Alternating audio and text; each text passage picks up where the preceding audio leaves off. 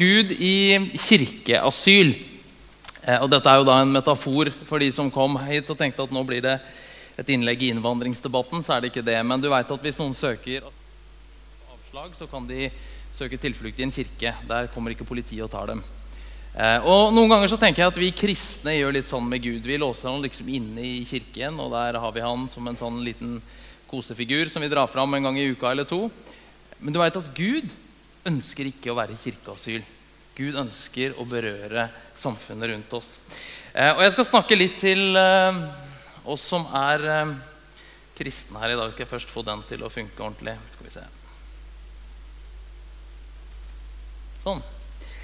Det var en, som, en jeg kjenner som snakka med en som ikke trodde så mye på Gud. Han gikk i hvert fall ikke så mye i kirken. Og så spurte han hva, hva er forholdet ditt til Gud. Så sa han at jo, jeg har et greit forhold til Gud, men jeg har litt problemer med bakkemannskapene. Eh, og du vet at Noen ganger så er det vi kristne vi bakkemannskapene, som roter det litt til. Sånn at folk får problemer med å se Gud. Og Jeg skal snakke litt til bakkemannskapene i dag. Jeg håper det er greit Hvis du er her og du ikke regner deg som kristen, eller vet helt hva denne greia med Jesus dreier seg om, så er det ikke primært deg jeg snakker til i dag. Men jeg håper at jeg skal si ting på en måte så du skjønner hva jeg snakker om. Og så snakker jeg til oss andre som, som tror på Gud. Jeg tror nemlig at vi kristne har verdens viktigste budskap. Men noen ganger så kommer det en del ting i veien for dette budskapet, så folk egentlig ikke forstår hva vi snakker om. Og Jeg har lyst til å si noen ting om det. Um, og jeg kommer ikke hit med en masse ferdigtygde svar til dere. Jeg uh, kommer heller for å kanskje stille noen spørsmål som vi kan ta opp sammen i samtale etterpå. Men noen ganger så er det sånn jeg vet ikke om dere har opplevd det, men noen ganger så er det sånn at du får det som kalles et virkelighetssjokk. At plutselig så står verden klart foran deg. Jeg fikk et sånt sjokk da jeg, skulle, var lærer på videregående for seks år siden og skulle til Firenze på skoletur. Og jeg måtte få nytt pass. Så jeg går til politistasjonen i Skien og begynner å fylle ut dette skjemaet. Og kommer til slutt til hårfarge. Og da har jeg jo alltid skrevet brunt. Eh, og jeg tenkte at det burde jeg jo fortsatt gjøre, men jeg tenkte jeg skulle ha det litt morsomt sammen med han eh, karen. Han var jo ikke så veldig morsom, han, men han som satt bak i skranken der på politistasjonen. Så jeg spurte hva syns du jeg skal skrive for noe. Og regna med at han kom til å si brunt. Og så kikka han fort på meg, så sånn gråspraglete, og så skrev han videre. Og Da er det klart at da står plutselig ting veldig klart for deg. Håret er ikke brunt lenger. Du er ikke 25 lenger. Eh, så da begynte jeg å farge håret, men det har jeg slutta med nå. Men kirken i Vesten Og når jeg snakker om kirke i dag, dere, så mener jeg ikke bare Den norske kirke, men jeg mener liksom alle oss kristne. Vi har opplevd en sånn periode med virkelighetssjokk de siste tiårene. Vi har vært vant til å bo i en del av verden som kalles kristen. Men plutselig så går det opp for oss at samfunnet er kanskje ikke så kristent som det vi tenkte det var. Eh, det var en kar som het Leslie Newbegin. Han dro som misjonær fra Skottland til India. Var i India i mange tiår, og så flytta han tilbake til Storbritannia på 1960-tallet. Og så skriver han noe om at denne, dette landet og dette kontinentet som en gang var kristent, det er ikke lenger kristent. Og det er ikke engang sekulært, skrev Nubigin, men det er hedensk. Og denne hedenskapen, denne motstanden mot evangeliet, er mye sterkere enn den vi har møtt ute på misjonsmarka, hvor folk ikke har hørt før. Og så sa han at dette er den største misjonsfronten i vår tid. Vi lever i en litt paradoksal tid, for på den ene sida er det sånn at i de aller fleste menigheter og kirker så blir det færre og færre folk, og de som er der, blir gråere og gråere i håret. Uten at det er noe problem, selvfølgelig. Eh, men samtidig så er folk opptatt av åndelighet. Vi har jo en prinsesse som hun tror begynte å snakke med hester. og så snakker hun med engler, og så drev hun ut på et, var vel et bedehus ut Sola for noen år siden. Hun drev og snakka med de døde også, men da ble det så mye rabalder at det tror jeg hun slutta med. Men hun snakker med engler. Og vi har Åndenes makt og Ghost Whisperer og Kanalen 5. hvor hver gang jeg har sett i hvert fall, så sitter det noen damer med noen, ånden, noen drømmefangere og et eller annet greier. Folk er opptatt av åndelighet, men de søker likevel ikke til kirkene. Hvordan fikser vi dette her? Det er sånn som eh, 'Ringenes herre'. Hvis ikke du veit hva jeg prater om nå, så Gud velsigne deg. Men eh, du har noe godt foran deg, min venn. Eh, i begynnelsen av filmatiseringen av 'Ringenes herre' den begynner sånn som dette her. Verden er en annen. Jeg merker det i vannet, jeg kjenner det i jorden. Jeg lukter det i luften. Mye som en gang var, er nå tapt, for ingen som nå lever, har minne om det. Vi lever i en litt annen tid. Og dette her får konsekvenser for hvordan vi som troende, som tror at Gud elsker verden, at Gud kom til verden, og at Gud ønsker at alle mennesker skal få møte Han, det må ha noe å si for hvordan vi lever og forkynner dette budskapet. Jeg drev og snakka om dette her en gang i eh, en menighet hjemme i Skien, der jeg bor. Og jeg så jo Når du sitter sånn som det her, så glemmer du at jeg ser hva du driver med. Så du som sitter og plukker i nesa bak der, jeg ser deg. og Nei, men ikke sant? Når du sitter og halsover og tenker det er ingen som ser meg, jo da, de ser det godt forfra. Eh, men eh, da så jeg en litt eldre mann i, eh, i forsamlingen der som ble, liksom, han ble mer og mer bister i ansiktet sitt. Og jeg gikk og prata med han etterpå. og eh, liksom lurte på hva det var. da, og så sa Han han var jo kristen, så han sa det på en litt frommere måte, men det han egentlig sa, var at det her pratet her om å forstå tida vi lever i, det er bare tull. Vi trenger liksom bare å forkynne evangeliet, sånn som vi alltid har gjort. Vi må bare forkynne det gamle evangeliet. It was good enough for my old father. It was good enough for hele greia. It's good enough for me. Så vi må bare forkynne det gamle evangeliet. Eller så har du denne andre ryggmargsrefleksen. ikke sant, det er at Vi må ut og protestere mot alt vi ikke liker. Vi må opp med parolene og vi marsjerer rundt og fortelle at God hate ditt og datt, som vi ikke liker. Um, og Jeg sier ikke nå at ikke vi skal engasjere oss i samfunnet, men jeg er ikke sikker på om dette er den rette måten å reagere på. Og skal jeg si deg hvorfor? Jeg tror ikke problemet er at folk der ute nødvendigvis ikke hører oss. Men jeg er ikke sikker på om de skjønner helt hva vi prater om. For du vet at Vi som er bærere av verdens viktigste budskap, vi risikerer å bli disse folka som tilbyr svar på spørsmål ingen stiller. Som tilbyr frelse fra synd ingen kjenner.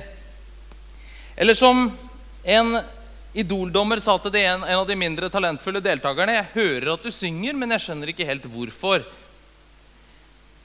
Du vet at Det er jo ikke helt der vi ønsker å komme som formidlere av kristne nyheter.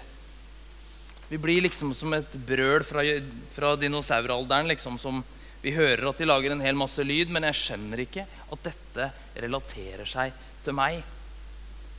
Du vet at det er utdatert kommunikasjonsteori å tro at folk har hørt bare fordi du har sagt noen ting. Selv om du og jeg har liksom ja, men vi har vært ute og fortalt om Jesus. Ja, men skjønte de hva du prata om? Vi vet jo det at Hvis du skal dra til et annet land, så må du lære deg litt om språket der. Det vil si, alle vet ikke det. Min farmor, da, som bodde i Sandnes, bodde i Lura i Fløyliveien. Eh, hun dro stadig til Newcastle. Jeg vet ikke, Går det noen båt over til England herfra fortsatt? Nei, det gjorde det før. Og farmor, god pinsevenn, dro over dit og kjøpte kjøtt. Og kjøpte alltid for mye. Så denne smugla i stor stil. Men jeg husker jeg spurte farmor en gang. Hun kunne jo ikke et ord engelsk. Ja, men hvordan gjør du deg forstått, farmor? Jo, jeg snakker sakte. Ok, Så hvis du snakker sakte på Ryfylke-dialekt, så skjønner de deg i England. Nei, selvfølgelig gjør de ikke det. Og Sånn er det hvis vi skal kunne kommunisere noen ting, så må vi skjønne litt av hvordan folk lever.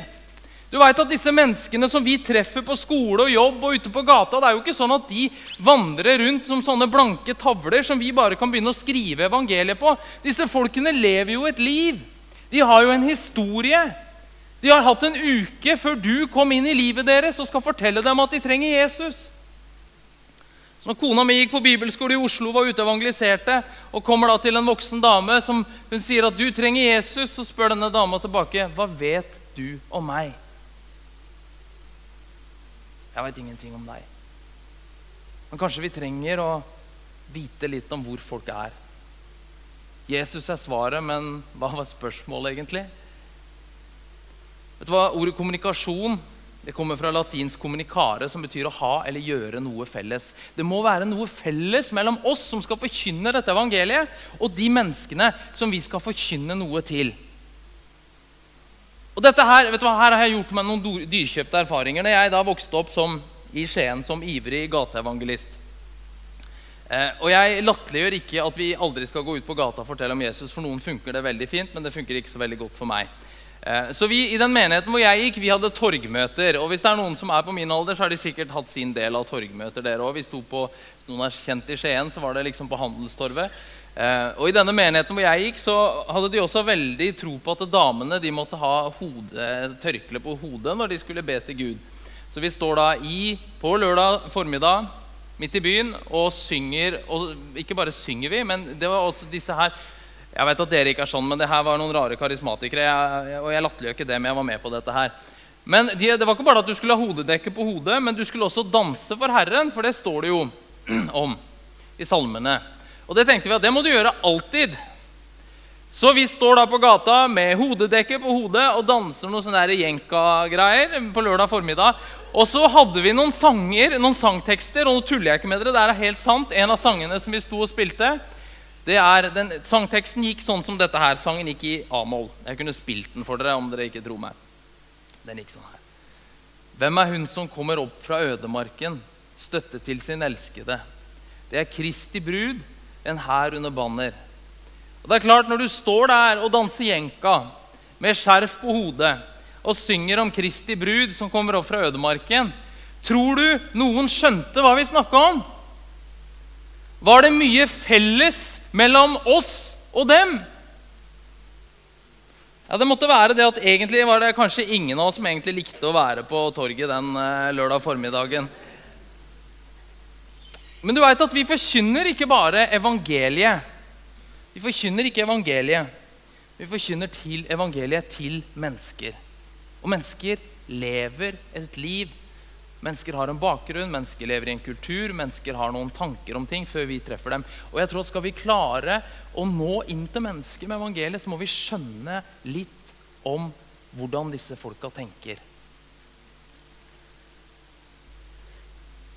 For på sett og vis så har vi blitt misjonærer i eget land. Ja, men Jeg hadde aldri tenkt å bli misjonær til så jeg vil være i Norge. Ja, Problemet er bare at misjonsmarka har kommet til deg.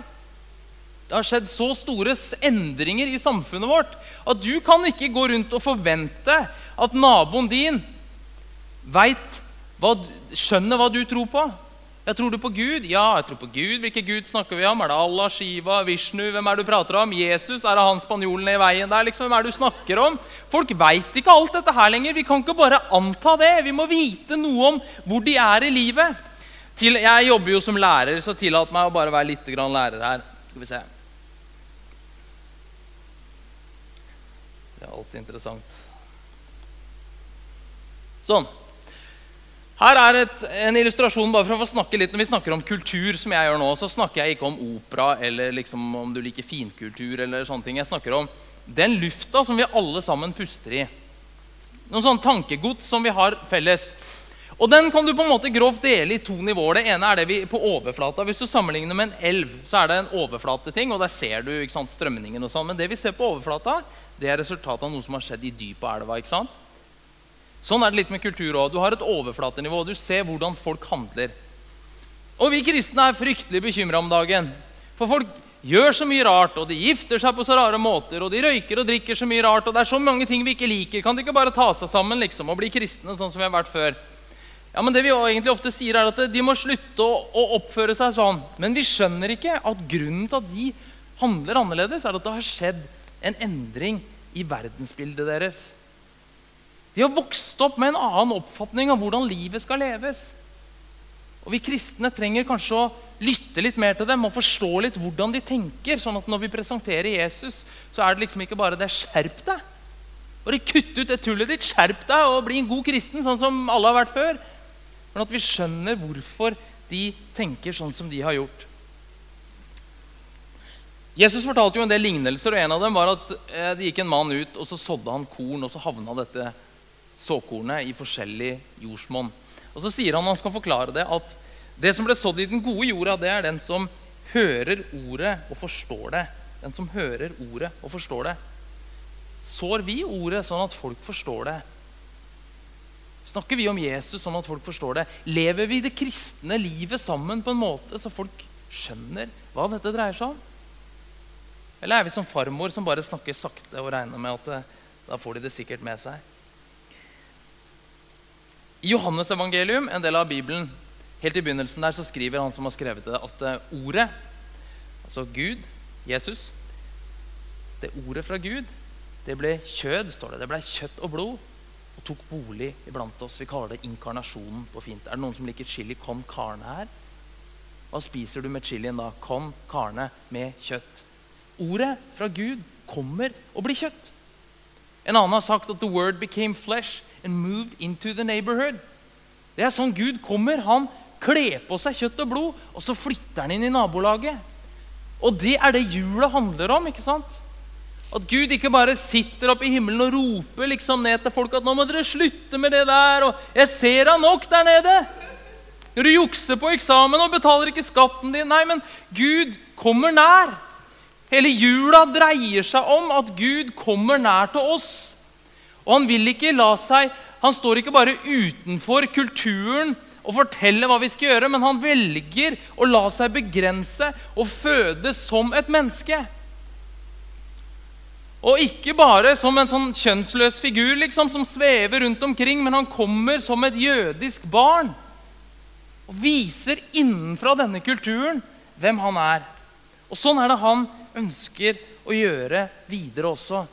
Sånn ønsker han å gjøre med deg og meg. At vi skal ta dette ordet som det handler om i Bibelen, og så skal vi leve det ut i de sammenhengene hvor vi er.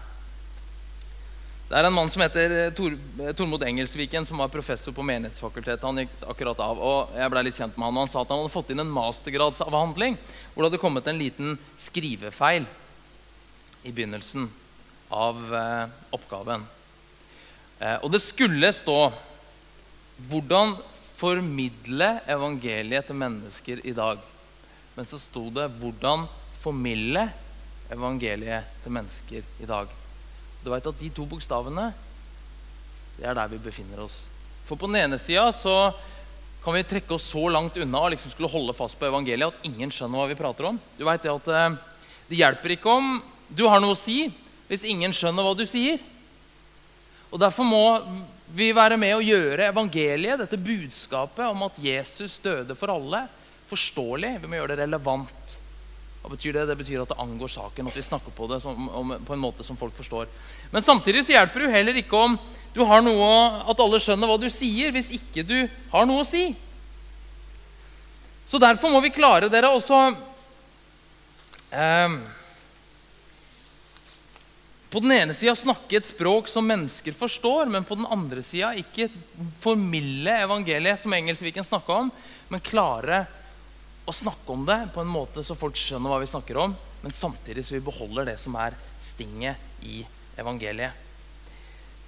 For å ta en julesang skal vi se, som vi ikke akkurat blant de, mine favorittjulesanger, men jula var helt til påske. Det er viktig. vet du. Det står at Jesus kom til sitt eget, skriver Johannes. Han kom til sitt eget. Og vi som skal formidle gode nyheter fra Gud. Vi må alltid forsøke å komme til mennesker på deres hjemmebane. Men samtidig så står det noe om at hans egne tok ikke imot ham. Så det som skjer i jula, det at Gud kommer til sitt eget, det stopper i påska ved at menneskene spikrer Guds sønn til et kors, for de tar ikke imot ham. Og i dette spennet er det vi lever som kristne.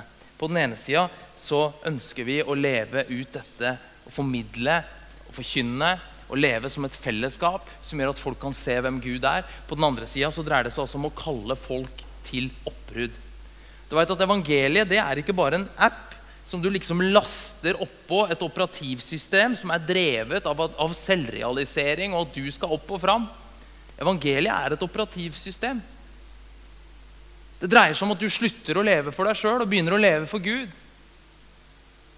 Og Derfor er det både relevant, det snakker et språk som folk forstår, men det er også profetisk. Det kaller mennesker til oppbrudd og etterfølgelse. Dere er veldig stille. Jeg håper ikke det er fordi dere kjeder dere veldig. Men jeg skal eh, bare vise dere noen, eh, et par Lego-greier eh, som yngste sønnen min Aron lagde for noen år siden. Og nå skal dere gjette. Det er litt mørkt, men jeg håper dere ser. Hva er det Aron har lagd i Lego? Noen som vil prøve seg? Nei, Jeg kan bare se at det faktisk er liv i dere hvis dere løfter opp handa. så vi får heller se i hvert fall noen som lever. Det er godt. Ja, det er en gudstjeneste. Og hvordan ser vi det? Jo, da pleier noen å si for alle ser så sure ut, og det er jo selvfølgelig kan jo være en grunn. Men det er en gudstjeneste, det er en kirke, fordi det står én mann foran og prater, og alle de andre sitter og hører på. Den svenske forfatteren, Magn forfatteren Magnus Malm han sier at når barn skal leke kirke, så er alltid det første spørsmålet hvem skal være prest. Og så er det to, For det er, han, det er jo den eneste som gjør noe. Eh, og så er det to kroppsdeler skriver han videre, som er aktive i den kristne gudstjenesten, og det er ørene og rumpa. Vi sitter og hører. Men du vet at jeg har lyst til å bare snakke litt om, knytte det her med, snakker jo om Gud i kirkeasyl og eh, være med å formidle evangeliet så folk skjønner hva vi snakker om. Jeg har lyst til å snakke litt om at det er det egentlig kirke handler om. Og nå snakker jeg jo, er jo her i NLM, som står for Norsk Luthersk Misjonssamband. Riktig. Eh, så tillat meg å snakke litt om misjon. Det, det burde dere tåle. Du vet at Ofte så har vi vært vant til å tenke på misjon sånn som dette her. At misjon, det er noe vi gjør. Nå er jo ikke jeg med i Norsk Luthersk Misjonssamband, men jeg er med i en menighet i Porsgrunn.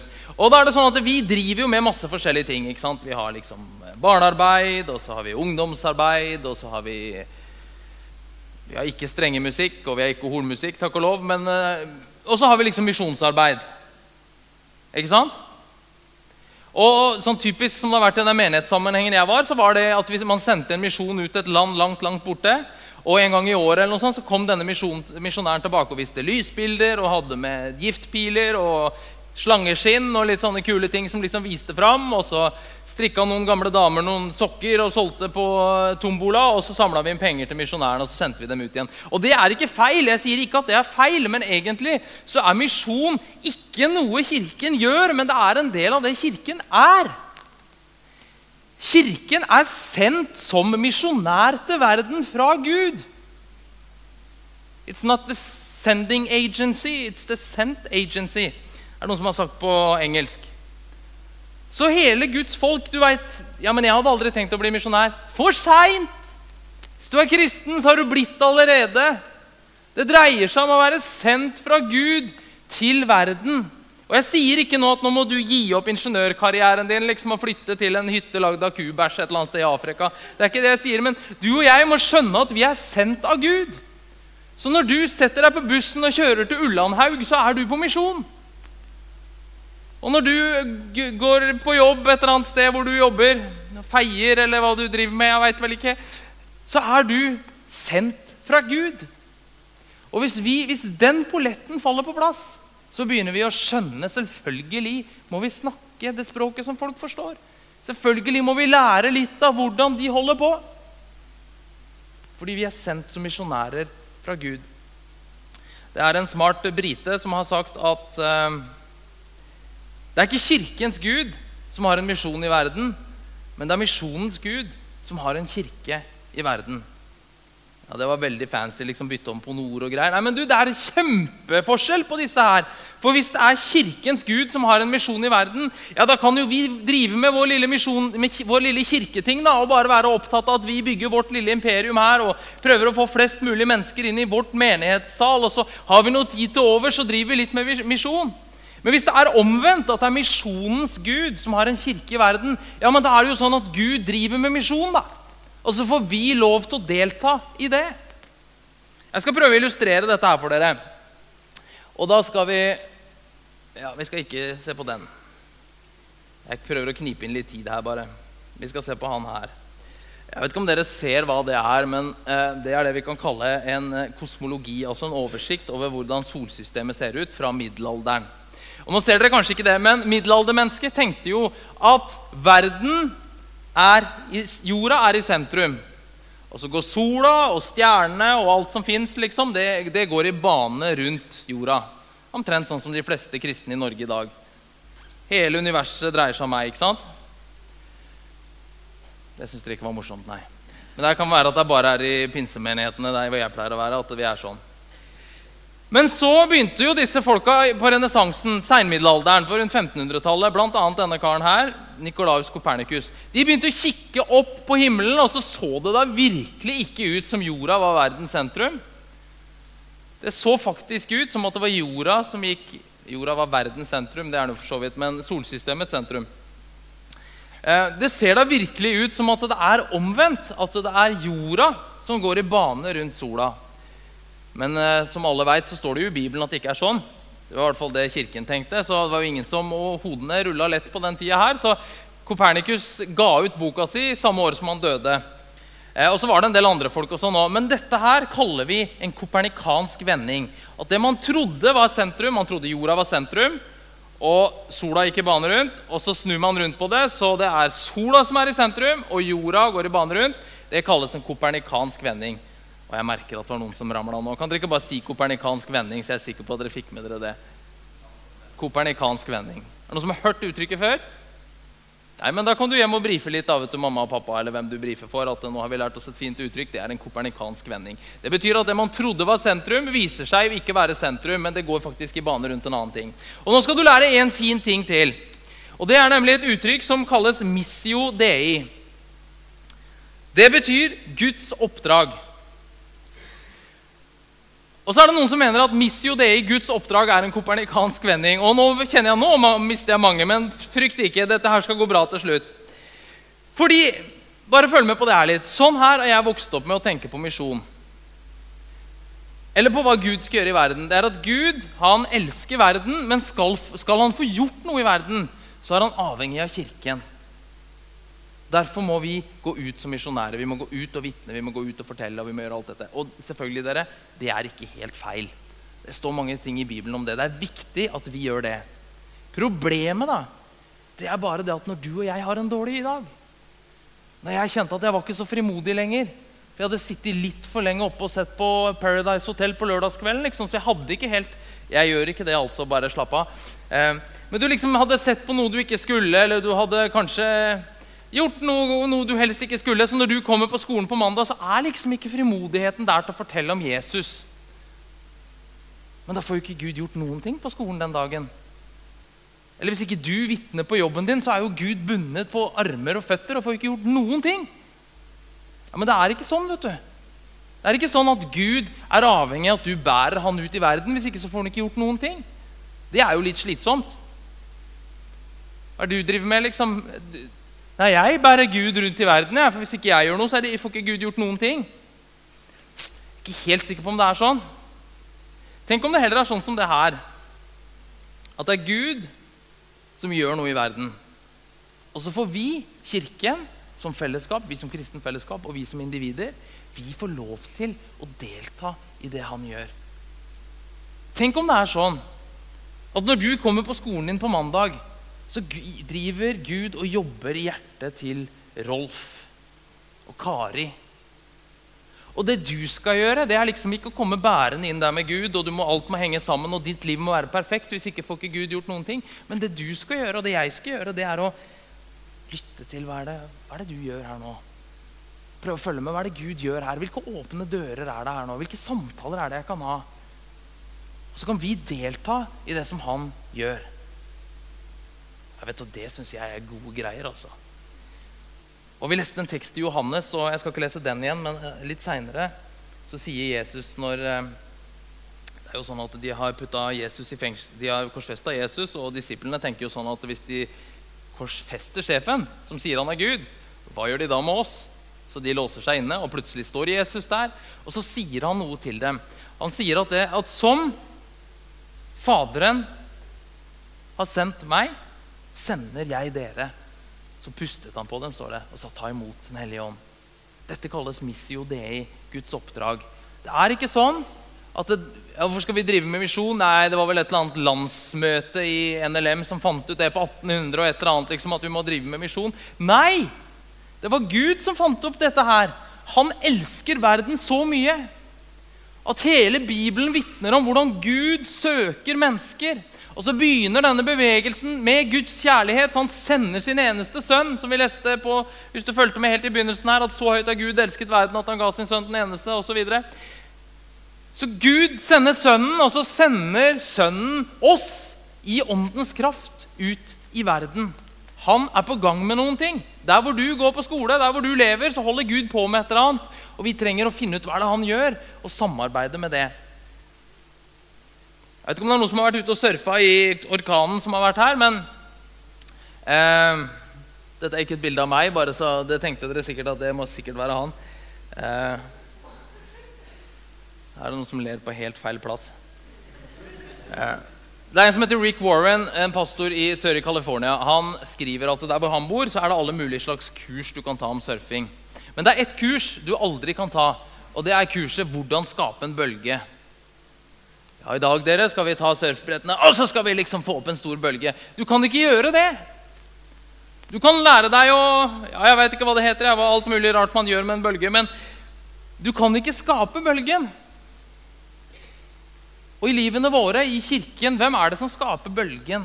Hvem er det som skaper denne bølgen som vi kan surfe på? Jo, det er Gud. Det er Gud som virker i verden. Så kan du og jeg delta i det han gjør. Tenk om Gud holder på å sende en bølge på skolen din. Tenk om Gud holder på med det på arbeidsplassen din. Hva skal jeg gjøre, da? Lær deg å surfe. Lær deg å høre hva er det Gud gjør. Lær deg å se etter hva er det som foregår her. Slapp av lite grann. Ikke bare kom liksom med, Ja, vi stopper der. Jeg er snart ferdig, dere. Men jeg har bare lyst til å si noe om det at eh, som kirke, som menighet og som enkeltindivider så skal vi leve som representant for noe annet enn oss sjøl. Og Jesus snakka mest av alt om Guds rike. Hva er Guds rike? da? Det er stedet der Gud bestemmer. Og vet du hva? Vi er kalt til å være tegn på Guds rike. Eller sign snakker man også på engelsk. Det er noe som peker forbi seg selv. Og det er ikke sånn at du, du, og jeg får jo ikke helt til å leve sånn som Jesus gjorde, men hva om vi med våre liv kunne peke forbi oss selv? Peke på Jesus? Eller leve som fors, en som forsmak på Guds rike? Jeg vet ikke om det er noe menybutikk i nærheten her, men noen, de, disse litt finere butikkene de har jo stadig smaksprøver. ikke sant? De har det her òg. Ja, de hadde det når jeg bodde her. i hvert fall. Kanskje de slutta etter jeg var her, fordi jeg var litt, litt innpåsliten på sånne smaksprøver. Men eh, det er jo ikke sånn at når du kommer til Meny, og de har liksom stilt opp boden sin der og deler ut et eller annet, så håper jeg ikke det er sånn at ja, ja du, nå, nå er det gratis mat på menyen. Du må ta med ungen og farmor og bestemor og tanter og onkler, og så spiser vi bare her i dag. Det er jo ikke sånn at det er liksom satt opp for at du skal spise der. Jeg ser Det var et par som trodde det var sånn. Jeg er veldig glad at jeg kunne oppklare det for deg i dag. Det er derfor ikke han butikksjefen liker deg så veldig godt. Nei, men du vet at Hvorfor deler de ut disse smaksprøvene? Jo, de deler ut smaksprøvene, for Hvis du liker smaksprøven, så går du bort i hylla og så kjøper du hele greia. Det er det samme som en trailer for en film. De av dere som ser på film, jeg vet ikke om man gjør det i NLM, men jeg gjør da stadig bekjenner mine synder her. og eh, jeg ser på film, og Hvis jeg lurer på om jeg skal se en film, så sjekker jeg gjerne traileren først. Hvis jeg liker traileren, så er det stor sannsynlighet for at jeg ser filmen. Du, menigheten, det kristne fellesskapet, det er en trailer på Guds rike. Det er en smaksprøve for Guds rike. Så hvis vi kunne jobbe for å skape sånne fellesskap som peker forbi oss sjøl Det dreier seg liksom ikke bare om hvor kul, eh, hvor fin sangen er, og om det er røyk, røykshow og liksom hele greia, men det dreier seg om uttrykker vi noe av hvem Gud er, så peker vi forbi oss selv, og så peker vi til det sånn Gud en gang vil at verden skal være. Jeg skal snart bli ferdig. Jeg skal bare vise et bilde her. Og dette bildet har jeg vist så mye til studentene mine at de, et par av de som jeg har undervist, de har kjøpt bildet, fått kunstmaleren til å male det på originalt. Men dette her er en som heter Rolf Groven, norsk kunstner. Og bildet heter 'Kunstmaler'. Og jeg vet ikke om dere, jo da, dere ser det, men vi kan dempe lyset enda litt mer, så, de, så sovner de, og så, eller så får de det med seg. Men det vi ser, det er en jente som sitter i ganske forurensa omgivelser. Og hun er i disse omgivelsene. Og vet du hva, For meg så er dette et bilde om hva det vil si å være kristen, hva det vil si å være menighet. Det er at Vi er i disse omgivelsene. Vi lever i en verden som er elsket av Gud, men som også er ødelagt av synd og umoral og drap og krig og elendighet. Men vi er ikke tatt ut av verden. I dette verset som ble lest her til å begynne med, så, så sa Jesus Dette er siste kvelden han lever, og han veit at disse disiplene hans kommer til å få det ganske tøft, men han sier, 'Jeg ber ikke om at du skal ta dem ut av verden'. Aldri Guds tanke at vi liksom bare skulle rømme inn, kjøpe hermetikk og sette oss i kjelleren og se på kristen-TV og vente på at Jesus skulle komme igjen.